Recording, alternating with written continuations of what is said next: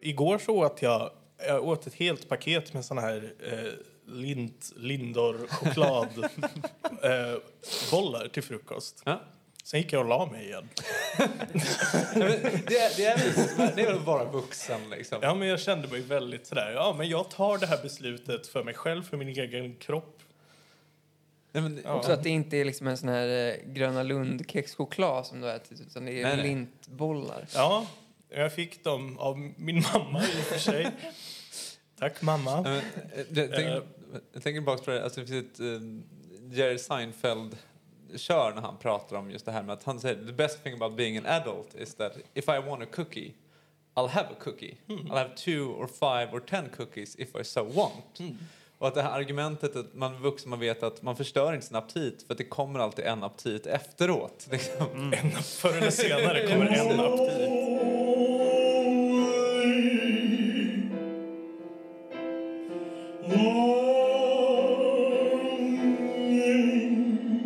Sitter på en jazzklubb i centrala Stockholm. En Spendrups bil brummar tyst bort utanför fönstret. Solen gör sitt bästa för att lysa upp lokalen. Hej och välkomna till Mycket poddinstallation nummer tre. Ni har ju hört oss två gånger hittills, men vi kanske inte har presenterat oss så här jättebra.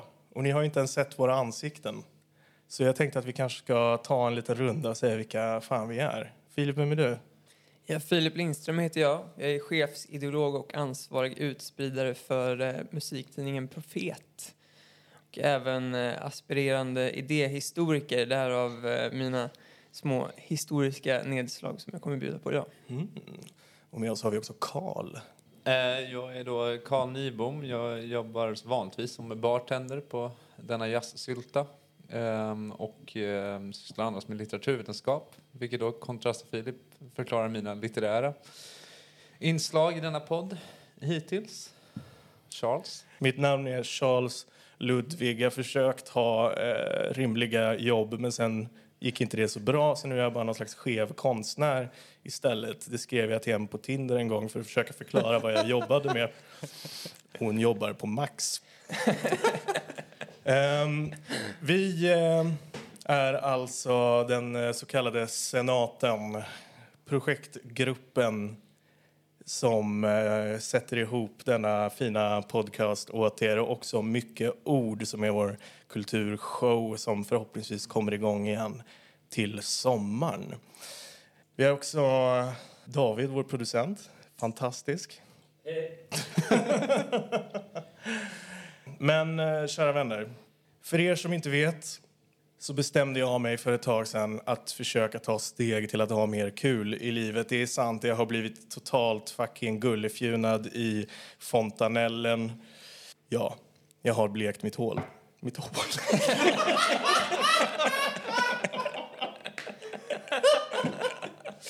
Åh oh, nej! Där är verkligen blond Okej, för att förtydliga, jag har inte blekt, jag har inte blekt mitt anus och inget annat hål heller. Förutom eh, mina hårsäckar på huvudet. I alla fall, när jag hade blekt mitt hår så träffade jag två vänner. Och de sa, wow Charles, du ser så himla ung och hipp ut. Vilket jag först blev glad för, men sen insåg jag att om någon säger åt en att man ser ung och hipp ut så ser man nog egentligen verkligen inte ung och hipp ut. Eller man kanske gör det, men man är inte. Kanske också att Ung det, att det behöver påtalas. Ja, Att det är just det som är hemligheten med, med ungdom och hipphet. Att den, ska inte nämnas. ja. och sen efter det Säger jag som så... aldrig blir kallad ung och hipp. Ja, alltså, för jag, jag ser ju ofta både ung och blond ut naturligt. Eh, men jag får väldigt sällan höra att jag ser ung och hipp ut. Så att, Ja, men jag tänkte att det var värt ett försök. Men jag känner mig ganska liksom så här, oh, wow, nu är jag så här in with the kids, typ. Jag är så här lite, lite, lite hippare. Men sen så var jag i ett sammanhang där det var en 18-åring som inte hade gått ut gymnasiet än som frågade mig, Charles, kan du inte berätta lite hur det är alltså i vuxenlivet? Hur är det att vara vuxen? Så bara, vad händer efter gymnasiet, typ som konstnär och som, som människa? Har du några råd och tips. Jag bara, nej gud. Jag är nog den sista personen. Och det var då jag insåg, bara, shit, är, ses jag som vuxen? För i mitt huvud så är jag liksom, i mitt huvud så är jag väl 12 kanske fortfarande. Högst, högst 20 och ett halvt. Men nu fyller jag 27 i år och ska tydligen ha koll på läget.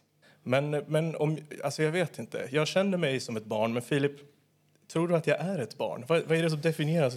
Definierar ett barn? Jag kan inte, absolut inte... Förutom ålder då? Jag kan absolut inte ge en, en definitiv version av, av vad det är att vara barn eller att vara vuxen. Men jag, jag har Fan. grävt upp några historis, historiska exempel på vad ett barn ses som. Först så har vi Nina Björk som i, i tidningen ETC skrev om eh, historikern Philippe Ariès som har sett att eh, 1800-talets föräldrar såg sina barn som arbetskraft och därför inte tillät sig själva visa någon kärlek till sina då, arbetshästar.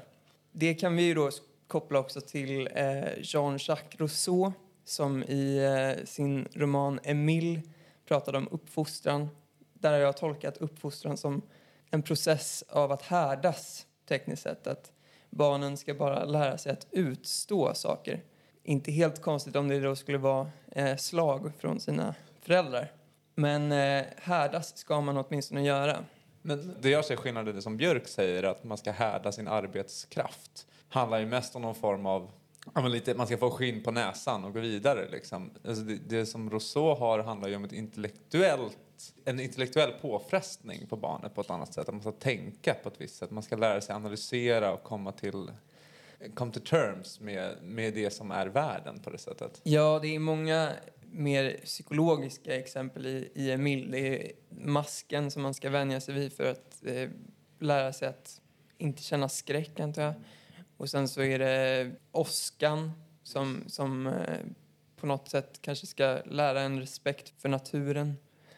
Men du har rätt i att eh, Aries kanske ser då den fysiska smärtan som någonting härdande för arbetskraft. Ja, Och också som en symbol kanske för en grej. Att det är liksom ett fysiskt sätt att ta på att, att livet är hårt. Det är möjligt. Sen, sen tänker jag också att Rousseau utgår ju också från en enorm, liksom, mer överklassvinkel än vad jag gissar Arias har satt fokus på. Om man, liksom, det är väl en enorm skillnad på... Sen har det ju debatterats om huruvida Rousseau överhuvudtaget uppfostrade sina barn på det här sättet också. Det finns ju också en enorm skillnad att vara son till Rousseau kontra att vara eh, son till eh, ja, någon liksom allmän bonde på 1700-1800-talet. Liksom. Ja, det är en absolut. enorm skillnad. Och man, må, man måste ju ändå eh, inflika också att eh, Rousseau inte bara var hård i sin uppfostran överhuvudtaget utan han var väldigt hård mot just flickor och väldigt eh, eh, mycket mer lättsam mot pojkar. Det kan man inte undvika att nämna i, i Nej, sammanhanget att Rousseaus läsa- Emile. Ja, att läsa Eloise är ju en helt annan sak kontra att läsa mm, Emile.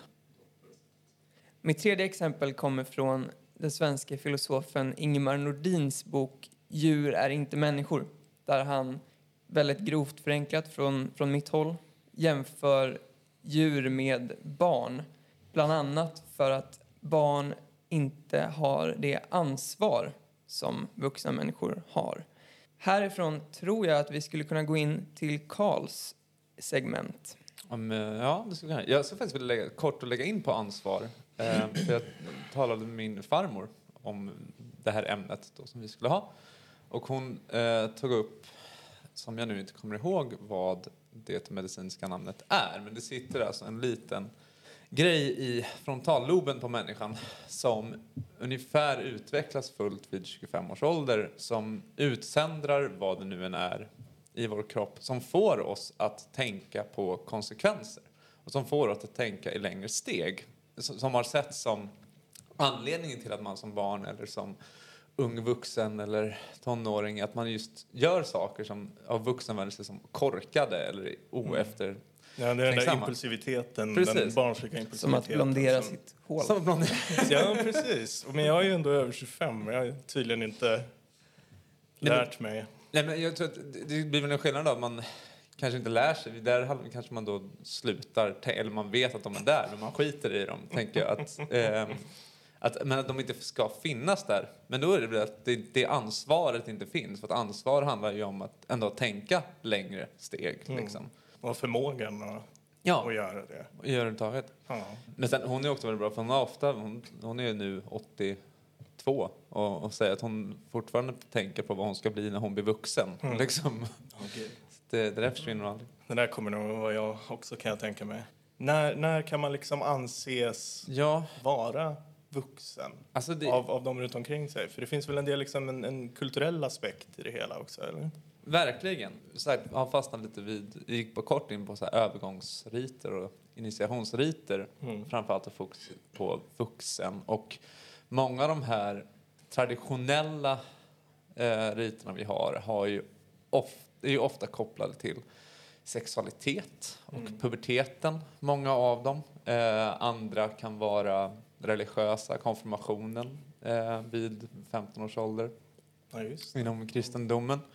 Eh, där har det ju mer att göra att det är väl inte ett vuxenrit egentligen, men det är ju ett, i och med att det är ett, en bekräftelse av den liksom, religion man har fått från där man då inte har varit medveten om vad man har blivit insatt i, så ska man då Mm. bekräfta detta. Eh, men, men, men det finns ju ändå, där finns det ju ändå den här... Skulle man kunna säga att, att eh, typ examen från universitetet Ja. är en typ av, eh, av sån eh, hyllning av att nu är du färdig med det här, nu ska du till vuxenlivet, typ. Universitetet vet jag Eller inte. gymnasiet, Gymnasiet, man pratar om att man springer ut i Ja, vuxenvärlden. precis. liksom, och det är ju Det är en... en typ av rit. Ja, sådär. och där har vi ju- alltså, studenten är ju alltså, full av de här riterna. Åka flak och eh, ha på sig mössan och liksom Dricka alkohol. dricka alkohol. Det var det som var den stora sorgen för de studenter som inte fick genomgå den här ritualen nu. Mm. I Nu kommer de aldrig bli vuxna. Nej, precis. det. Men, men jag tänkte på när du pratar om liksom, eh, övergångsriter och så. Mm. Jag tänker ju direkt på den här, liksom, så här eh, macho-aspekten. Med den här manlighetsövergången, att man ska typ bli en man. Mandomsprovet. Ja, precis. Mandomsprov. Eh, Jag hittade en sån från eh, det var en eh, Zambia-folket. Det handlar på en sida med olika initiationsriter som är en lång... En sida med olika initiationsriter. Massa olika initiationsriter. När man hade radat upp då eh, olika initiationsriter från, från världen över. Eh, I Papua New, Guinea, eh, Papua New Guinea. Vad heter det på svenska? Papua New Guinea? Papua Nya Guinea. Jättekonstig översättning egentligen. Det känns som Ja. att, ja. Äh, men, de har de massa och där, då har de den första som jag tyckte var lite eh, fascinerande var Maku, heter den första initiationsriten. Det här är då från alltså, ålder 7 till 10. Är inte det en typ av sushi? Det är maki. eh, nej, men då, eh, jag läser direkt här från the, This is the first rite of passage for the boys. They are separated from their mothers at this stage and participate in bloodletting, where long sticks are inserted up their nostrils to make them bleed, Ja. therefore ridding themselves of their mother's presence in them. The Zambia people do not believe that males are born with semen, and so, during Maku, the boys participate in fellatio.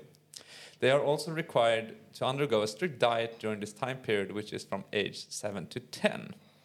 Skulle de eh, utföra oralsex på varandra? Nej, eller? alltså tanken är att de, alltså det står fellatio här, men på det andra jag läste så att man dricker eh, sperma, helt enkelt. Mm. Man har sitt förråd sen liksom. Ja, alltså det är så att I det, magen. Ja, man skulle få någonting att bygga detta vidare på, helt Ja, enkelt. för sig. Som en, som, som en eh, vad fan heter det?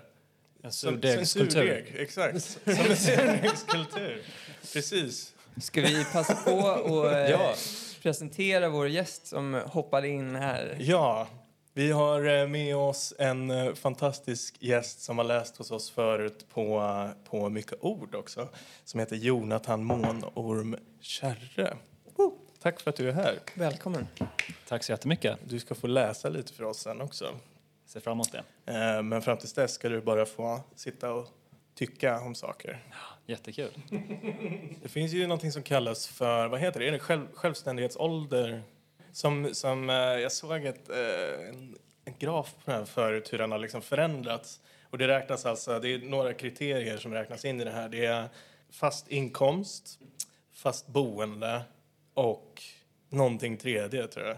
Man ska vara fast helt enkelt. Ja, man ska bara vara fast.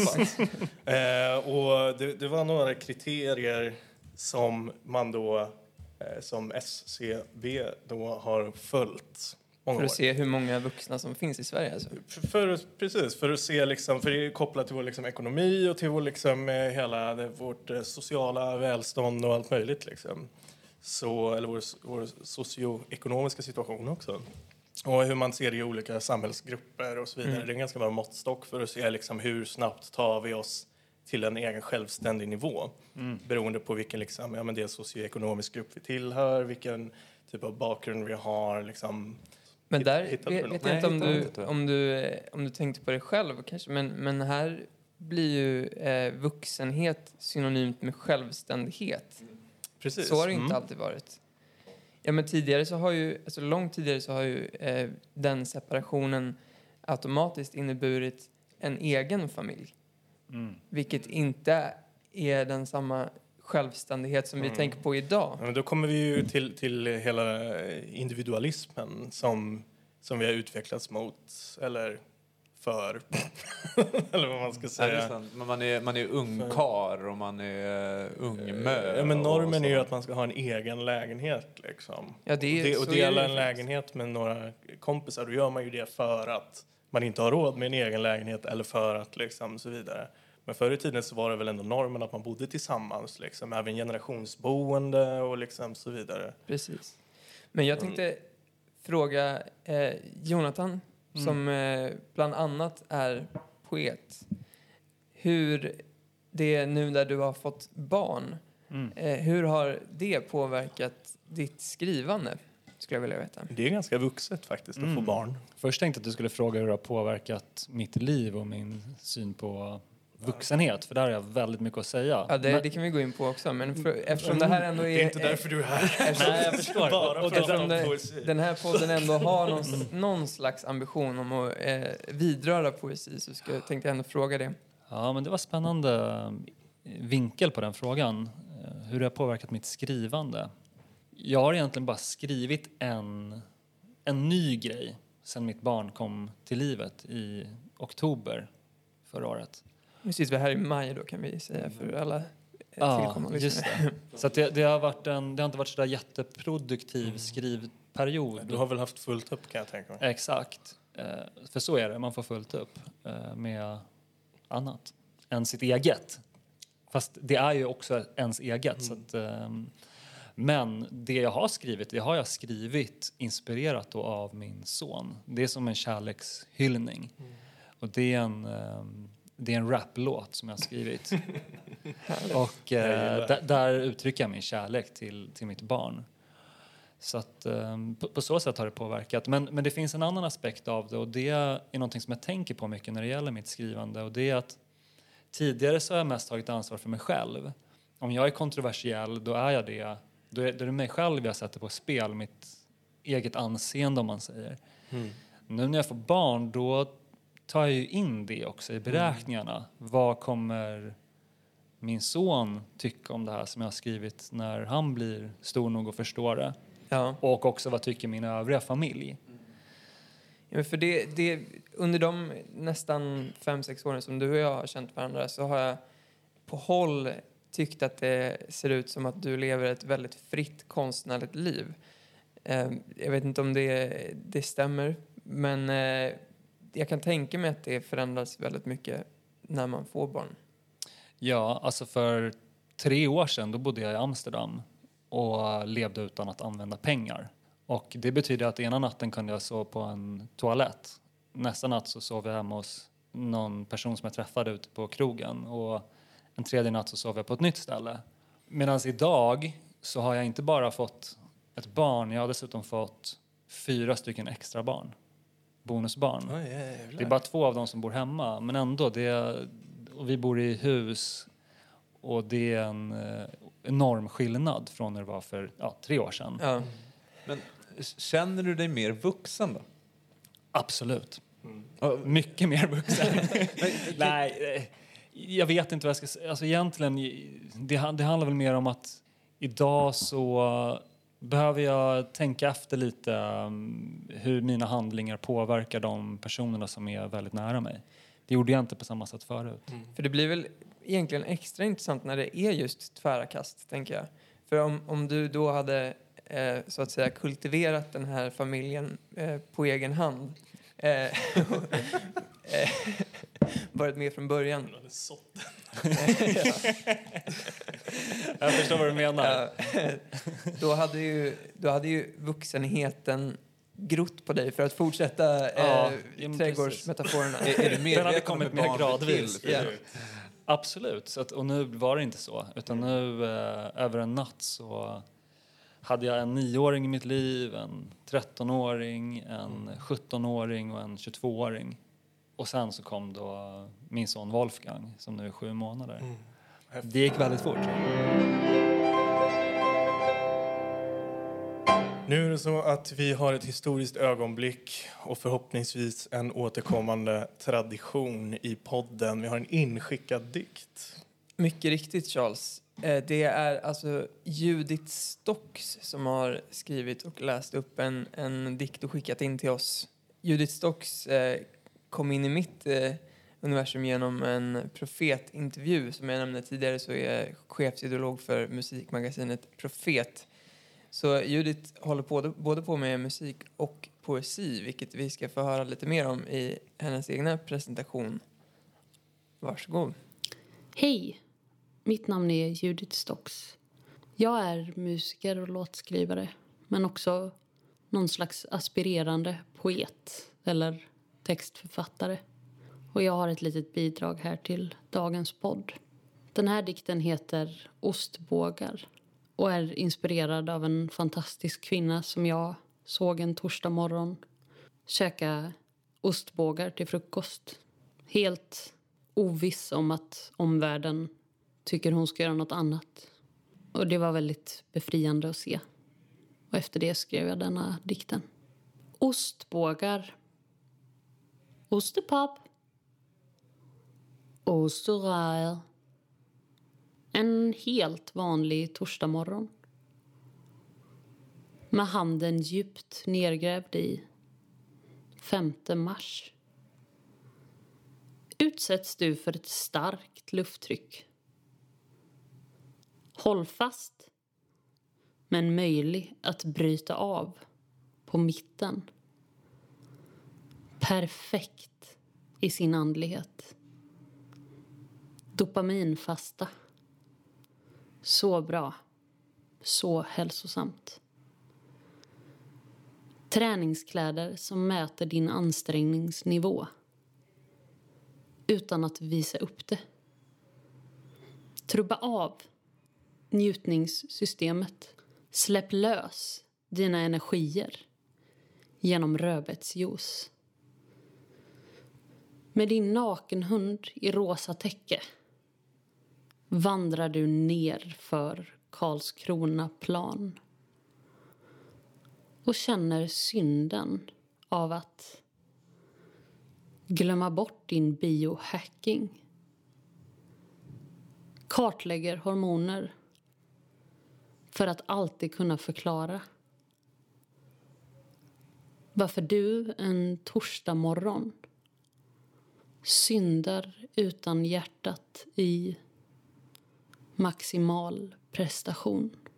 Det var så ostbågar av eh, Judith Stocks. Och Ja. som sagt så vill vi hemskt gärna att alla skickar in sitt eget material. Antingen att man bara skriver in eller som Judith läser in och skickar in till oss. Vi ska ju finnas här för era alster egentligen. Vad heter det, Jonathan? Vi pratade lite kort om eh, förut i, i pausen om det här med att använda konsten, både andras konstnärskap och eh, konst och sitt eget konstnärskap för att hantera livet och ansvar man har och saker som händer en, bajsmackorna. Kan du se det i ditt eget konstnärskap? För du har ju din bok med dig, eller din eh, diktsamling som heter vad då? Den heter Tröstformler. Och den är precis det. Den, den var ett sätt för mig att hantera motgångar svackor, väldigt svåra tider för mig. Och anledningen till att jag har publicerat den är för att ge andra den möjligheten att använda de här orden som ett verktyg för att själva vända ja, depression eller eh, självmordstankar eller ja, svåra och ibland tider. så kan det ju räcka också bara med att känna att, att man inte är ensam i det man känner heller. Mm. Och bara läsa och, och vittna om att ja, men det här är en grej. Liksom. Ja, Mina exakt. känslor är legitima. Det här är en grej som människor går igenom och känner och hanterar på det ena och det andra sättet. Det var märkligt tyckte jag själv hur, eh, hur konkret jag upplevde det när de här dikterna kom till mig. Det var inte så, alltså det, det, det kanske var över en två, tre års period. Men det kom verkligen som eh, en tydlig röst i mitt huvud. Alltså det var väl kanske min egen röst, men det, det, den sa ändå de här uppmuntrande orden när jag behövde höra dem. Och jag skrev ner dem. Jag, insåg, jag tyckte då att det var viktigt att skriva ner dem. Och Eh, sen var det, jag har en, en vän som jag också tackar i boken. Eh, hon heter Amelie. Hon jobbade med en kille som var handikappad och eh, han hade det tufft på olika sätt. Hon var personlig assistent åt honom. Och hon, det började med att hon läste några av de här dikterna för honom. Och eh, han spelade in små meddelanden till mig där han tackade för dikterna. Och han, in, han hävdade att det hade gett honom kraft och mod och styrka att fortsätta. Det är, det är ändå en, en av de bästa känslorna man kan ha när man har satt ett verk i världen. Ja, det här var innan Och- verket fanns känna. också. Ja. Men det fick mig att känna att det här kanske ska bli ett verk. Ja, att det är värt att publicera. Och Mm. att, ja, ja, men det är verkligen fantastiskt ju. Jag tänker med den här boken som typ en livlina. Om, om jag ville ha den här, eller jag har ju skrivit den i första hand för mig själv. Mm. Och då var det när jag, jag behövde någonting att, att ta tag i för att inte ge upp i mitt liv. Och det, det, det är lässituationen som den är tänkt för. Det är en väldigt praktisk poesi. Det är så här, okej det är någon som håller på att drunkna där borta. Kasta ut den här boken. Liv, livboken. Ja, det är en, det är en, precis.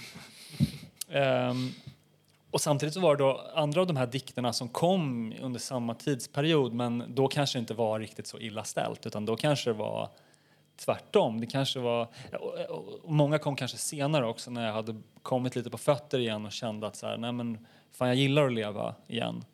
Och sen för att strössla vardagen och, och få in lite magi så kunde de här äh, nya formlerna eller dikterna komma. Och de har jag då sparat och um, avser ge ut dem i en, i en kommande bok som antagligen heter Trollformler för rymdresenärer. Spännande. Väldigt spännande. Ja. Vill du läsa för oss, Jonathan? Ja, jättegärna. Skulle jag tycka var nice. Kul, tack för att jag får chansen att göra det. Förord. Ibland är det illa ställt. Så illa att en bara klarar läsa mycket korta dikter. Det är okej. Bara andas. Känn rymden inom dig. Acceptera den utan motstånd.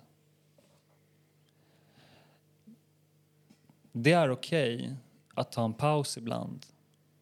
Låt allting bara vara en stund.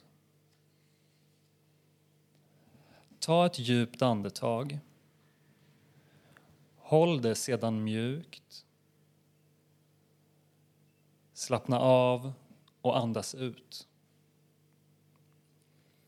Ibland är det svårt att leva. Det kan nog de flesta hålla med om. Även detta ska passera. Men tills dess kan det vara skönt att hålla fast i något som ger tröst. Det är okej att vara rädd. Det är starkt att be om hjälp. Kortslut onda tankar genom att lyssna på ljuden omkring dig.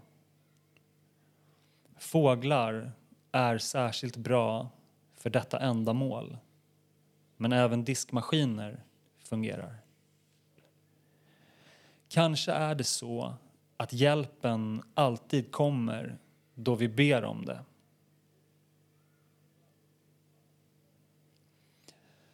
Vila i stillheten och be om vad du behöver. Lita på att alla gör sitt bästa. Ibland blir det fel, ibland bara annorlunda. Stanna i hjärtat när framtidssvärd skär och kulor från dåtiden viner. Ge smärtan rymd, för tänk om den är ett färdmedel. Hjärtat renar onda vågor.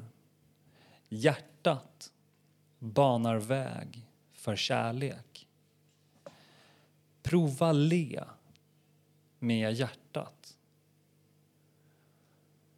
Du får vara här. Kärlek är att dela rymd. Människor kan alena mötas i öppna rum. Vila i nuets vagga. Framtiden kan själv. Ett steg i taget vid skymd sikt. Kör sakta, du lekande barn. Även den som är satt i skuld är fri. Lycka vilar lugnt i varat, bortom brus, typ rop av saknad. När någon frågar hur vi mår händer det att vi svarar vad vi gör. Känn inåt nästa gång. Solen är en trofast vän. Sänd all längtan vänd mot den. Solen lyssnar utan att döma. Solen är här bara för att hänga. Solen tar upp hela kurvan. Vet du ej hur det känns att älska dig själv? Älska dig själv för det. Tårar går sin egen väg när själen står i blom. Även detta ögonblick är en del av mästerverket. Vi är alla perfekta, med rynkor och allt. Ett par ord till den som inget spelar. Du spelar roll. Gör det som känns kul. Alla människor tillhör det utvalda folket. Du är älskad. Den enda parametern som går att förändra är kärleken vi lever med. När du älskar helvetet är du i himmelen. Pröva känslan, om än bara för en liten stund att allting är precis så som det ska vara. Just nu. Dödens dörr står olåst. Lev livets villervalla. Stig upp när det är dags. Stråla. Nu klarar du leva. Du klarar leva nu. Du är framme. Lita på att du är klar. Fullständig. Hel.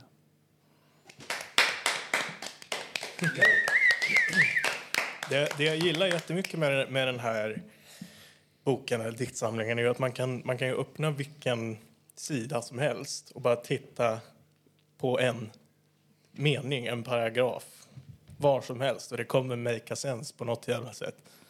Och det är, det är ju nice, för det, det är ju liksom en, en... Det går att läsa igenom hela som att det vore en enda text Ja. och det går att bara hoppa in och läsa en mening som om det som en isolerad formel. Jag tycker det är nice. Mm. Jag tar med mig eh, Framtiden kan själv, vilket också Mm. passar otroligt bra in i dagens tema. Verkligen. Verkligen. Nu ska du berätta lite om Norge. Ta- jag måste bara kissa. Ja, verkligen. Helt alls. Fantastiskt det här. Det är verkligen tråkigt.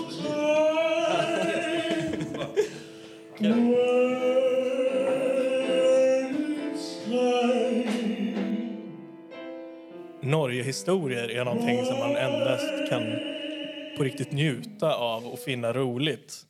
Eh, det vill säga laugh out loud, som ungdomarna säger idag. Om man är över en viss ålder, det vill säga riktigt mogen. Eh, så jag tänkte testa några på er och se om ni tycker det är kul. Och därför så har jag lånat en bok av min mamma som är från slutet av 70-talet som heter Nya Norgehistorier. Det här är installation 3 av den här ja, trilogin då, han sa. Ehm, tokroliga historier om bland annat gutten som skalade sin pommes frites när han besökte krogen. ja. En liten pojke visste inte vem Jesus var och när han dog. Han blev därför tillsagd att fråga sina föräldrar om detta. Nästa dag svarade pojken följande på lärarens fråga. Far och mor visste inte ens om att han varit sjuk. Det var, det var, det var li, lite roligt tycker jag. Mhm, Okej. Eh, nästa. Hört på en norsk bensinstation. Fyllde ni min bil med bensin? Ja, men när jag öppnade dörren så rann nästan allt ut. Den här boken innehåller så 500 som är. Varför viftar din hund så mycket på svansen och gnäller så ivrigt? Du äter på hans tallrik. Va? Och sen slutligen för att knyta ihop säcken. Vet du hur man känner igen en norrman på en restaurang? Nej! Han skalar sin pommes frites. Ah, okej. Ah. Så. Så det var alltså the cover Joke. story. Ja, the cover joke. Ja, det var ganska, precis.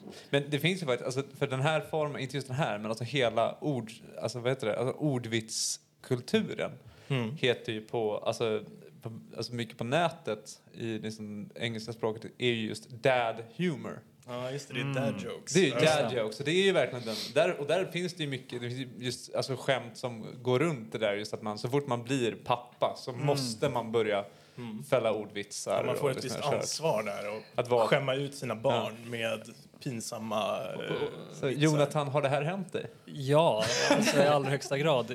Jag reciterar min pappas gamla skämt. Hur, och hur, hur gammalt är, är, är ditt barn? nu? Ja, men det kan vara då eh, Julia som är tio. Om vi sitter och kollar på film till exempel. Och det en scen när några hånglar. Då vänder jag mig mot henne och säger Jaha, så det var därför du ville se den här filmen? Och hon blir ju skitsur. Och jag blev skitsur när jag var liten och min farsa sa det. För det är skämmigt. Man vill inte bli förknippad med hångel och, och sånt där.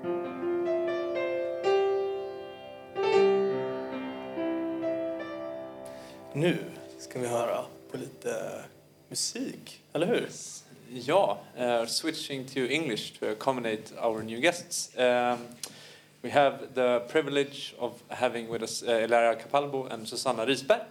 Uh, I had the pleasure of having uh, to work here when you played last time. It was really, really good. One of my favorite moments when you played it was when you played the, the Burial of the Dead, your interpretation of uh, T.S. Eliot's poem. Um, could you talk a bit like that, considering we're a poetry podcast? yeah, of course. Um, I uh, I like uh, T.S. Eliot's writing a lot. I think what I'm trying to do is to give it um, some sound in a way and uh, try to uh, interpret what I, what I find that is in the in that text through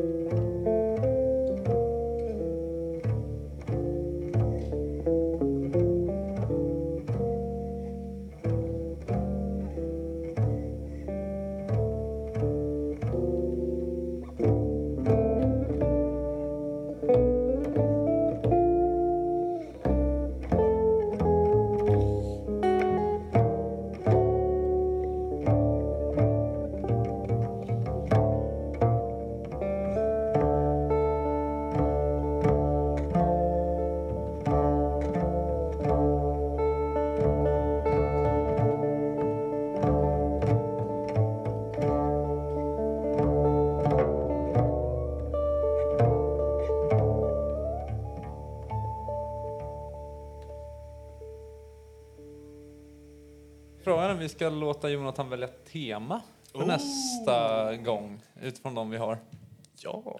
Ja, det, pop, det poppar upp en grej nu. Ehm, och det är sex och parning. Eftersom vi talade om det här, eh, övergångsrit till, eh, från ungdomen. Det skulle kunna vara intressant i, i poesiform tycker jag. För att, eh, det, det, är en, ja, men det är en intressant form för att behandla just sex. Det är ett förslag. Det är inte ett helt dumt tema faktiskt. Nej, men jag köper det. Ja, jag kan köpa det. Ja, det Ja. är skitbra. Ja, Såld. precis. Köpt också. Fan, nu får inte jag höra vad alternativen var. jag känner mig lite snuvad. Vi kör sex. Vi kör sex, Vi, som jag brukar säga. kära lyssnare, i och med att detta tema troligtvis är både väldigt intimt och intressant så vill vi verkligen att ni skickar in egna dikter eller om det känns lite för pinsamt, som vi pratade om att bli utpekad för att hålla på med hångel av ens föräldrar så kan ni ju också skicka in tips och rekommendationer på dikter och andra verk som ni skulle vilja höra. Så från, eh, från, från oss, era kära pinsamma föräldrar, så önskar vi era dikter om sex. Åh oh, ja. Ja.